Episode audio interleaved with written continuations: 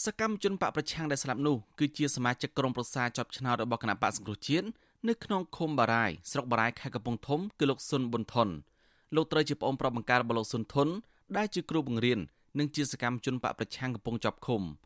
លោកស៊ុនប៊ុនថនមានអាយុ51ឆ្នាំហើយលោកបានស្លាប់កាលពីថ្ងៃទី8ខែកក្កដាកូនស្រីរបស់លោកស៊ុនប៊ុនថនគឺកញ្ញាថនសុដារាបានប្រាប់ថាលោកស៊ុនប៊ុនថនបានធ្លាក់ខ្លួនឈឺ ហើយកាចជំងឺបេះដូងក្រោយពេលលោកជាប់ឃុំនៅក្នុងពន្ធនាគារខេត្តកំពង់ធំ កាលពីឆ្នាំ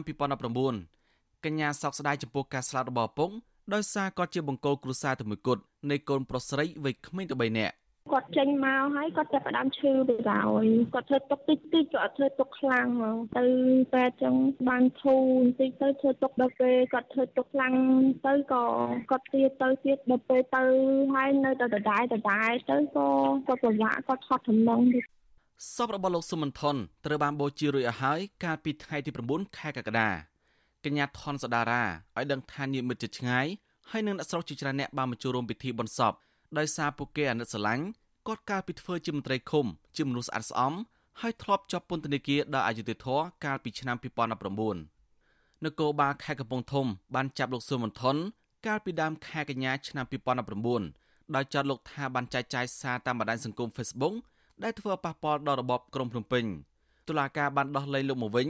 កាលពីថ្ងៃទី14ខែវិច្ឆិកាឆ្នាំដដែលក្រោយមានបទបញ្ជារបស់លោកនាយករដ្ឋមន្ត្រីហ៊ុនសែនឲ្យដោះលែងអ្នកទស្សនយោបាយនៃគណៈបកសង្គ្រោះជាតិវិញតុលាការខេត្តកំពង់ធំបានចោទប្រកាន់លោកពីបទជាប្រមាថអ្នករាជការសាធារណៈហើយបទញុះញង់ឲ្យប្រព្រឹត្តបទក្រិតជាអានពាក់ព័ន្ធនឹងគម្រោងមាតុភូមិនិវត្តរបស់ប្រធានស្ដីទីគណៈបកសង្គ្រោះជាតិលោកសំរងស៊ី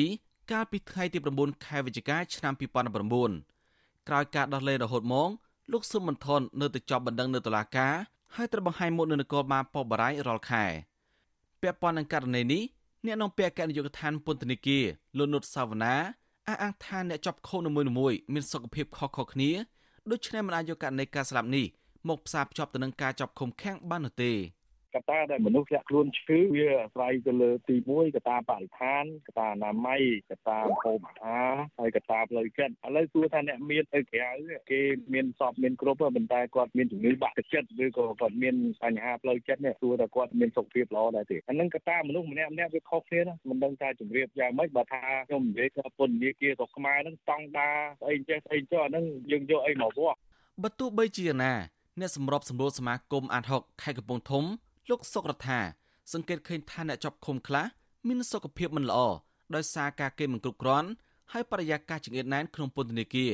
ហើយអ្នកខ្លះទៀតអាចមានបញ្ហាសតិអារម្មណ៍ដោយសារការគិតពីបញ្ហាសង្គមនិងគ្រួសារច្រើនពេកនៅក្នុងពេលជាប់ឃុំ។ ទូទៅអាចថាគាត់មានការលំបាកច្រើនគាត់អីចឹងទៅគួបផ្សំនឹងអាចថាគាត់មានជំងឺប្រចាំកាយខ្លះចឹងទៅអាចធ្វើសុខភាពគាត់មានការទ្រុឌទ្រោមឬក៏សុខភាពរបស់គាត់នឹងពុំមានការត្រួតពិនិត្យអីពីពេទ្យបច្ចេកទេសអីច្បាស់លាស់ថែទាំសុខភាពតតែមានការត្រួតពិនិត្យជាប្រចាំអីចឹងទៅកាលពីពេលជាប់ឃុំក្នុងពន្ធនាគារជាង2ខែឆ្មាំពន្ធនាគារខេត្តកំពង់ធំបានឲ្យលោកស៊ុនមន្ថនដេកនៅចំច្រកចិញ្ចូលបង្គន់ហើយបរិយាកាសក្នុងបន្ទប់ឃុំឃាំងទៀតសោត គឺហប់គ្មានខ្យល់ចិញ្ចូលគ្រប់គ្រាន់ទេលោកស៊ុនមន្ថនក៏គ្មានលុយទិញកង្ហារដាក់ដែរពេលនោះលោកត្រូវដេកក្នុងបរិយាកាសក្តៅស្អុះស្អាប់ច្រើនថ្ងៃទើបសាច់ញាតិមានលទ្ធភាពទិញកង្ហារយកទៅផ្ញើនេះបើតាមការអះអាងរបស់អ្នកចាប់ឃុំជាមួយលោកស៊ុនមន្ថនប្រពន្ធដដែលឲ្យដឹងទៀតថាមន្ត្រីបពប្រឆាំងរូបនេះមិនសូវមានលទ្ធភាពទិញអាហារឬក៏ហៅថាបាយដាក់ខែនៅក្នុងពន្ធនាគារទេ